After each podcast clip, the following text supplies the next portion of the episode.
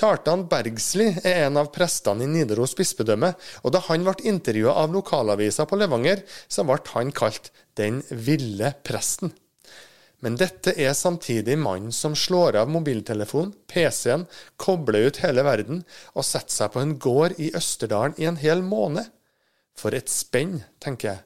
Jeg heter Magne Vik Ravndal, og det her er På trua løs.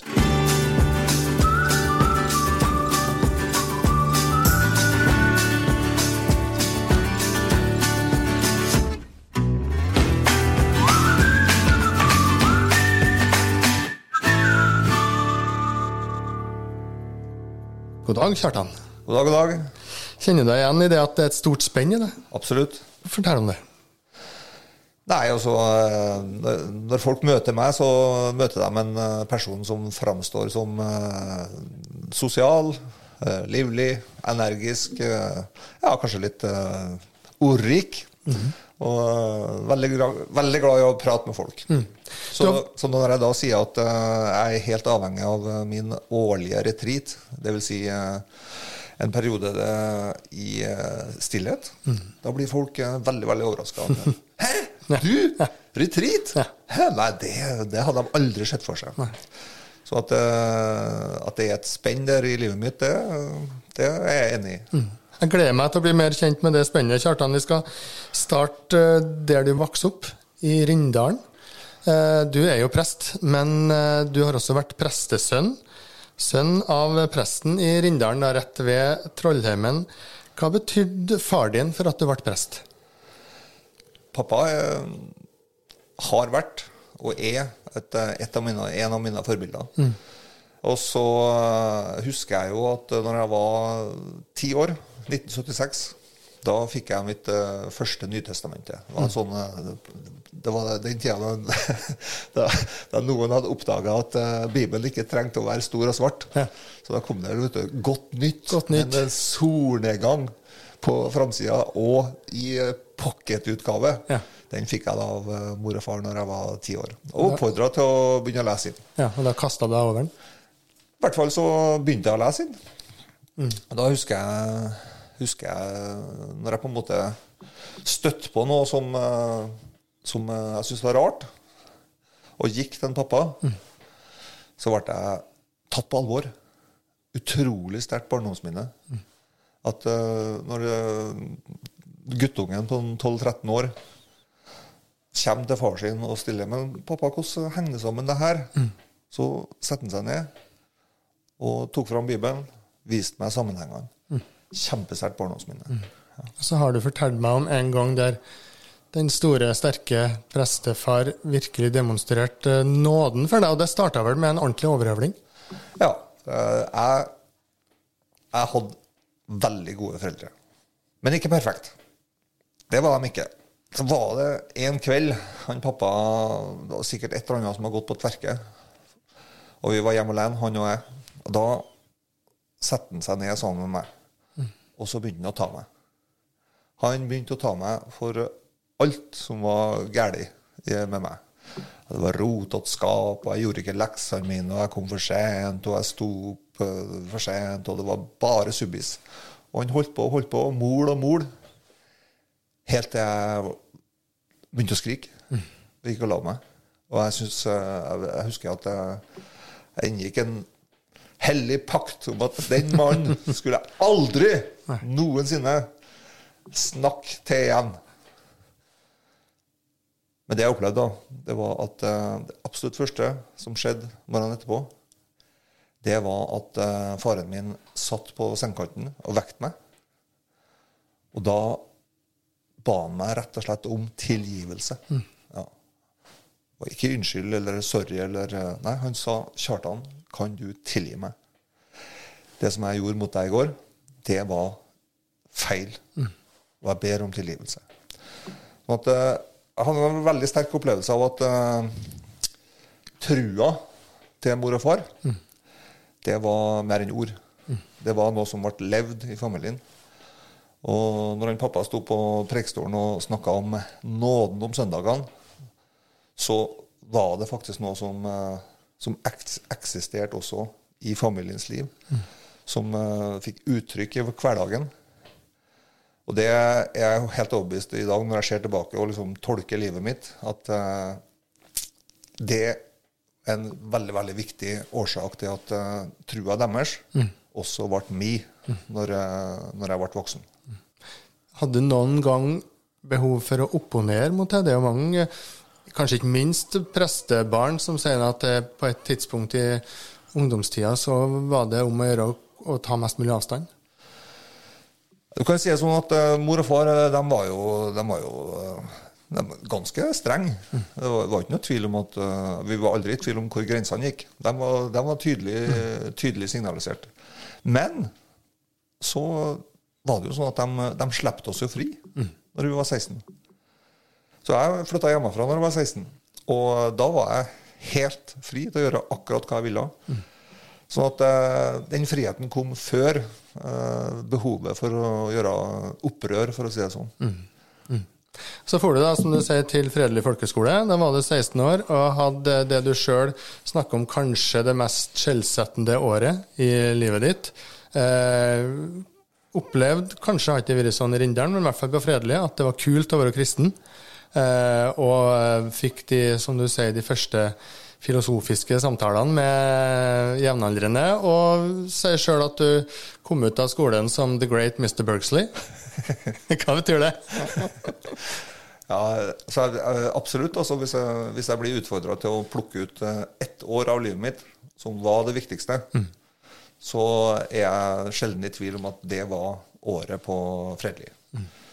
Da, da gikk jeg gjennom en eh, fullstendig transformasjon, vil jeg si. Så jeg, jeg kom inn på skolen som eh, en eh, litt undertrykt, litt småbobba, kvisete, hengslete eh, guttunge med Catalina-jakke og eh, linjalsveis fra Rindalen. Og når jeg var ferdig med skolen eh, åtte-ni måneder senere, så Så var Ja, du er klar for verden. så var The Great Mr. Bergstein. Stinn av selvtillit og klar for verden, ja, definitivt. Og den selvtilliten tok du da med deg inn når du dro til Trondheim, begynte på KVT, eh, aktiv i Salem etter hvert, Indremisjonsforsamlinga midt i byen, en leder der. Eh, og så etter hvert så eh, så vendte de mer mot uh, Den norske kirke, Heimdal og Tiller menighet, aktiv i ungdomsarbeid der. Og du sa du hadde ikke noe trang til å opponere mot uh, foreldre og mot det du har lært, og sånn, men etter hvert så kan man si at det kom en slags trang til å opponere litt mot de her indremisjonserfaringene? Ja, vi fikk, jo, vi fikk jo masse spillerom i Salem når vi gikk på videregående. Det var, det var bruk for oss på mange områder. Vi, vi var aktive i Salem ungdomskor, og vi var teknikere i radioen, og vi var, hadde eget musikkprogram på IMI Radio. 101 natt. Et ungt kristent musikkprogram hver fredag, og, og vi fikk masse spillerom. Men så var det så var det en av de beste kameratene mine, han Ronald Hernes. Han mista mormora si. Så i den forbindelse så kom eh, den lokale presten Sigurd Bakke på besøk til familien.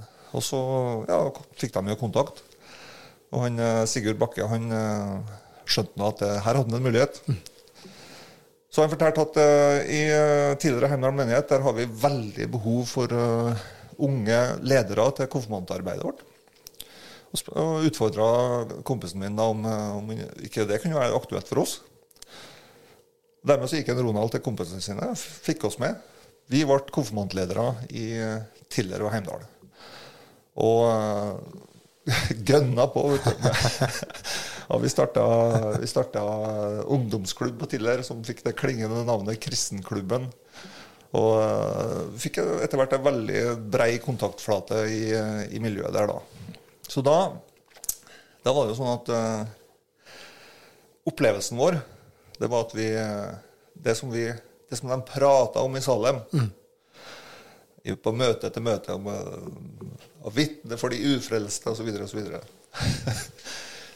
Det kunne vi praktisere ute i lokalmenigheten i, i Tiller og Heimdal. Der, der, der møtte vi et utrolig bredt uh, utvalg av eh, ungdommer. Bredt lag av folket. Sånn at uh, vi ble mer og mer engasjert i lokalmenigheten, og vi Vi trekte jo med oss veldig mange av uh, kameratene våre fra Salem ut til lokalmenigheten. Men da fikk, Det vi, ble ikke bra. da fikk vi trøbbel. Så da, da var det enkelte av oss som ble innkalt til samtale eh, om at eh, mm, dette må du passe deg. Eh, sånn at da, da oppsto det en Jeg bruker å kalle det min åndelige pubertet. Ja. For da, da da ble jeg på en måte veldig provosert av, av den, det vi opplevde som motstand fra, fra miljøet i Salem. Da. Og så opplevde jeg at uh, mulighetene i Heimdal og Tiller og Den norske kirke ble bare mer og mer tydelige. Så i løpet av den uh, åndelige puberteten så ble det veldig tydelig for meg at uh, hjemmet mitt, det var Norske kirke. Når var det du bestemte deg for å bli prest? Veldig bra spørsmål. For uh, når jeg skulle velge da på videregående, så valgte jeg naturfaglinja. Ja. For da kunne jeg bli ingeniør, lege eller sykepleier eller uh, sånne ting som det der. Men så kom vi jo med i dette ungdomsarbeidet da i kirka. Eh, og jeg kjente jo liksom at her var det noe som, som uh, tente meg. Og så var det en konkret opplevelse som jeg husker veldig godt. Vi var på konfirmantleir på Vassfjellkapellet. Ja, og det er jo rart å tenke på, for vi, vi røyka jo som svamper den tida. og vi eh, hadde ingen hemninger for å røyke sammen med konfirmantene. Det var liksom, det var bare... Så jeg husker at jeg hadde akkurat holdt en andakt for konfirmantene. Så sto jeg på altanen utafor uh, Vassfjellkapellet og tok meg en røyk. Og så kom en Sigurd Bakke ut. Samme presten. Ja. Kapellan i, i Heimdal og Tiller menighet. Og så sa han til meg at Du, Kjartan, jeg tror søren meg du skal bli prest. Uh, og det er liksom Av en eller annen grunn så altså det, var, det var første gang noen sa det rett til meg. Uh, så det ble, ble på en måte en sånn uh, et, sånt, et slags vendepunkt. Eh, Var det et kall? ja. Jeg, jeg bruker å si eh, uten blygsel når folk, folk spør meg om eh, hvorfor jeg ble prest. Mm. og det er jo relativt ofte. Så sier jeg at jeg, Det er to forskjellige måter å forklare det på. Den ene måten å forklare det på det er at eh, jeg fikk så utrolig lyst til å bli prest fordi dette arbeidet var så meningsfullt. Det er en måte å si det på. En annen måte å si det på er Gud sa til meg at jeg skulle bli prest. Begge to er sann. Og det ble du etter hvert. Eh, Du har fortalt meg at eh, etter det her eh, øyeblikket på Vestfjellkapellet, så endte du etter hvert opp i Oslo, Menighetsfakultetet, tok prestestudiet. eh, Og mellom skriftlig og muntlig eksamen så ble du kjæreste med Martha, som du fremdeles er kjæreste med. Og gift med og deler liv og hverdag med. Eh, Og dere flytta til Bardufoss, feltpresttjeneste der. Og så flytta dere enda lenger nord, om mulig, til Nordkapp, verdens nordligste kappeland, Og var der og ble sogneprest etter hvert. Og så skal vi bevege oss litt inn i det spennet som vi snakka om helt først. Fordi at eh, når man er prest i Finnmark, så får man også noen privilegier, f.eks. studiepermisjon, utvida studiepermisjon. Den muligheten lå framfor deg. Fortell. Jeg opplevde jo det at eh, i løpet av studietida så, så kasta jeg på en måte av meg det, den spiritualiteten som jeg hadde vokst opp med, og som, eh, som var veldig sterkt fram i uh, Salem Indremisjon. Den spiritualiteten som, uh, som handla om uh, veldig mye om eh, at du måtte lese i Bibelen, men eh, du leste aldri nok i Bibelen. Og du, du måtte be hver dag, men du ba aldri nok. Så, sånn spiritualitet som jeg opplevde eh, ga mye dårlig samvittighet. da. Det, det der kasta jeg av meg i løpet av studietida. Men så opplevde jeg at den eh, akademiske teologien, den, eh, den holdt eh, i kanskje en to-tre år. Så ble det tomt. Og eh, det åndelige livet mitt var egentlig ganske ja, jeg, jeg, jeg følte på en, eh, på en lengsel, på et savn. Det, var, det var tørt. Og så var det jo sånn i Finnmark, som du sa, at uh, når vi vært der i tre år, så hadde vi krav på tre måneders studiepermisjon med lønn. Og når jeg hadde passert den grensa, da, så bare fant jeg fram uh, oversikten over hva som var tilgjengelig nå. Og så viste det seg at uh, da var det et kurs som heter Kristen spiritualitet og retreat. Ja. I regi av uh, Presteforeninga. Jeg var ikke noe spesielt interessert i kristen spiritualitet og retreat, jeg, men eh, det var det som var begynt. da. Ja, så søkte jeg på det. Fikk plass. Og eh, begynte på etterutdanningskurset som, eh, som handla om det. da. Og eh, når jeg tolker livet mitt, så eh, er vel det kanskje det tydeligste tidsskillet i, i mitt eh, åndelige liv. Veldig, veldig tydelig før og etter. For da møtte du retreaten, eh, stillheten. Fortell litt mer om det. Hva var det som møtte deg da? Så det var jo en del av det studiet at eh, vi skulle prøve retreat. Og jeg husker første gangen eh, jeg skulle prøve eh, en retreat som varte mer enn tre dager. Jeg tror den varte fem dager.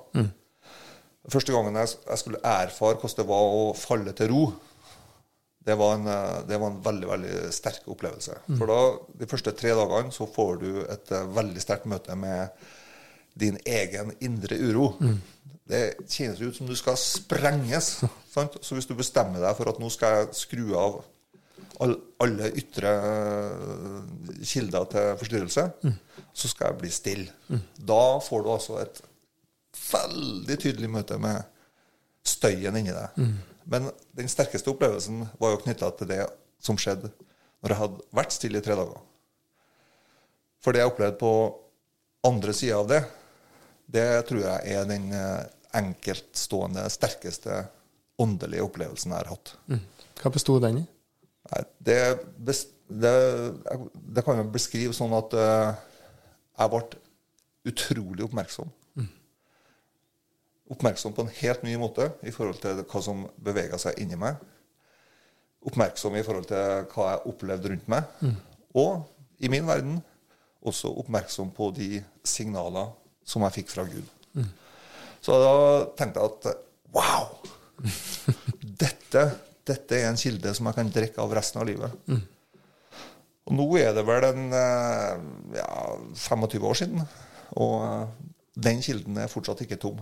Nei, for du har gått på retreat hvert eneste år siden den gangen. Jeg har gjort det til en del av min eh, årsrytme ja, å, å ha én retreat eh, årlig.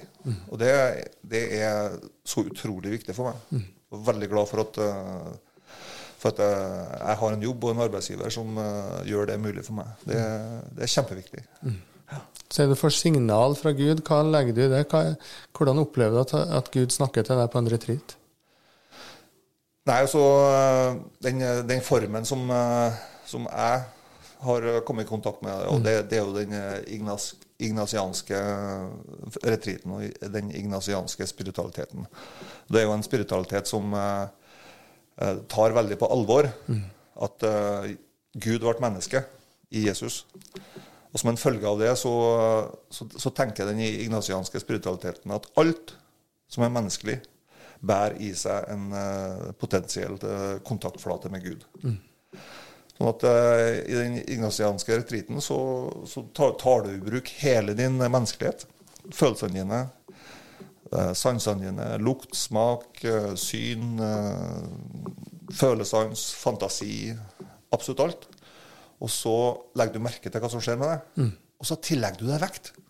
Sant? Så tillegger du deg vekt. Så dette betyr noe. Og så har du en samtale hver dag med en veileder som, som hjelper deg til å på en måte integrere de signalene du får, inn i, i eh, trua liv.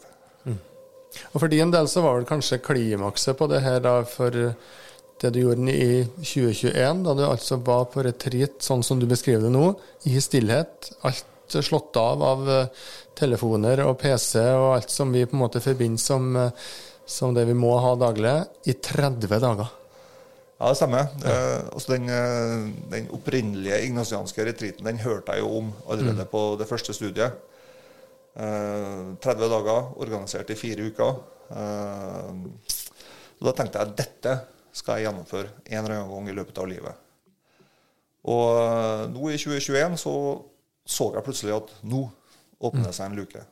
Det, var, det var pandemi. Ungene har begynt å bli store. Eh, Det var, ikke, det var liksom greit at jeg var borte hjemmefra i, i en måned. Passa perfekt mellom påske og, og pilegrimsvandringa som jeg skal ha med konfirmantene. Da slo jeg til. Så da fikk jeg etter, etter 20 års modningstid så fikk jeg gjennomført eh, den originale ignasianske retreaten. 30 dager i stillhet. Er det sånn at det da blir mer og mer prega av det her som dagene går? At det, at det er på en måte en slags forhold mellom hvor lenge du er der, og hva som skjer med det? Ja, det vil jeg jo si. Det vil jeg jo si. Og den, den retreaten er jo også da veldig Den er, den er strukturert. Sånn at eh, den første uka bruker du på Guds godhet. Andre uka, uka bruker du til å meditere og leve deg inn i Jesu liv. Så er det døden og døden sine krefter som eh, du blir leda inn i. Og så er det oppstandelsen. Og det at Jesus faktisk er sterkere enn døden, som, eh, som er det du går ut med. Dette blir jo da stimulert til å leve deg inn i, og til å erfare som, eh, som eh, noe som faktisk foregår i ditt liv. Og jeg vil si at ja, det er, det er noe som er ganske skjellsettende, og som eh, jeg tror jeg vil bære med meg resten av livet. Hva har det gjort med deg, den ville presten, the great Mr. Bergsley? Hva har det gjort med trua di? Nei, men uh, den ville presten, eh, han er fortsatt uh, en, del, en del av meg. Han er fortsatt, uh, han er fortsatt ytterst levende. Ja, kanskje mer levende enn noensinne. Men eh, samtidig så har jo det, altså det, Den 30-dagsretreaten har jo skapt en del vaner som jeg har tatt med meg inn i, i hverdagen. Ja, for du bruker stillheten hver eneste dag. Eller går inn i det her rommet. Ja. Så jeg, jeg begynner hver dag med, med meditasjon, stillhet og bønn. Og det, det er ja, det er betydningsfullt. Ja, det, er en, det er en del av eh, altså, min måte å koble meg på livet, livsstrømmen. Eh, gjøre meg sjøl bevisst på at eh, jeg, jeg hører til i eh, den hellige dansen. Like viktig som morgenskaffen. Ja, omtrent, omtrent på nivå med morgenskaffen.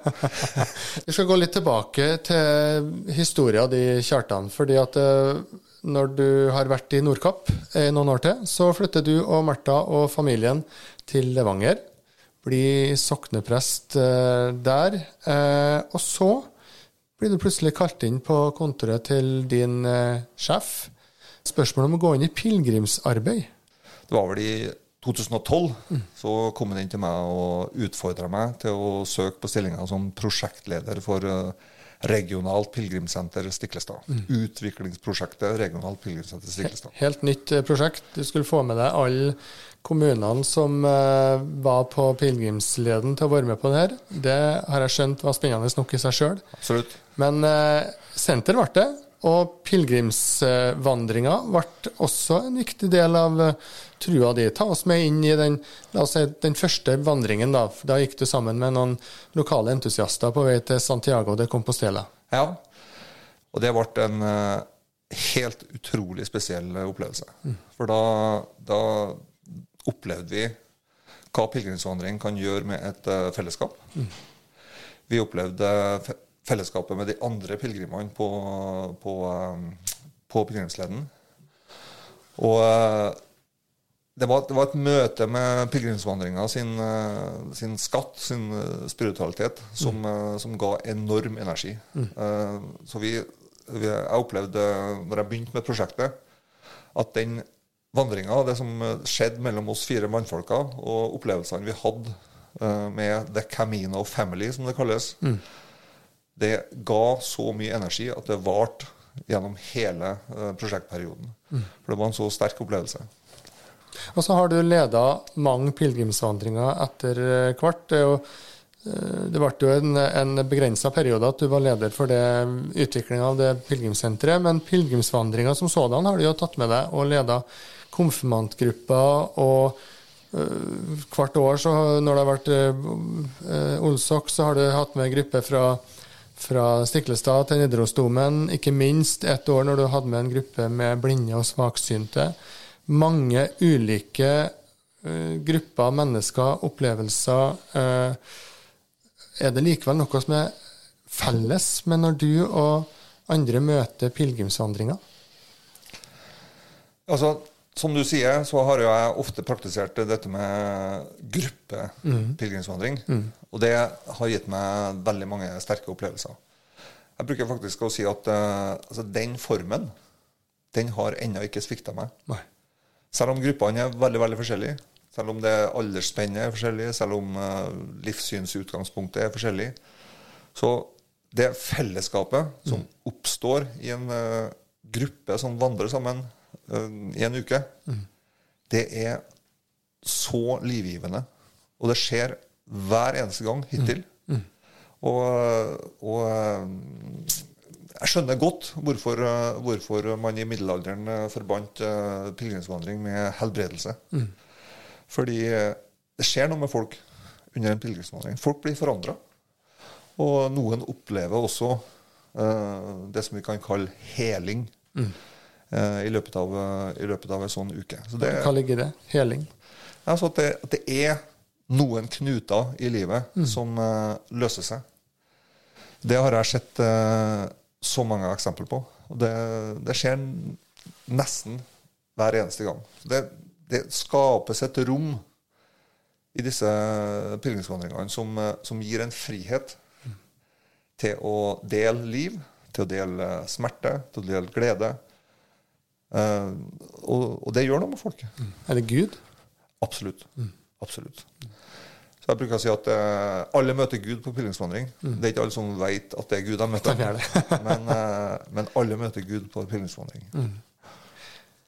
Takk for at du har tatt oss med inn i din livsvandring, Kjartan. Vi har hørt om den ville presten, Great Mr. Bergsley, som samtidig setter seg ned, trenger retreat og stillhet hver eneste dag.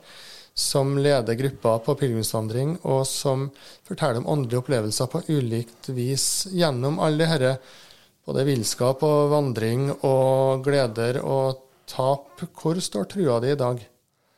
Jeg vil si at uh, trua mi er en uh, helt uh, integrert del av, av livet mitt. Mm. Trua, trua, mi er på mange måter de brillene som jeg opplever alt gjennom. Mm. Trua mi gir meg en sånn grunnholdning. Mm. jeg er ikke perfekt. jeg, er sett av Gud. Mm. Jeg er avslørt av Gud. Han vet hvordan jeg er. Mm. Allikevel så elsker han meg. Mm. Sett, avslørt og elska. Det er en sånn grunnmur i, i livsholdninga mi. Og det, det, tenker jeg det, det, Der er det så stor styrke. Mm. Uh, jeg, er sett, avslørt og elska av Gud. Kjartan Bergsli, takk skal du ha.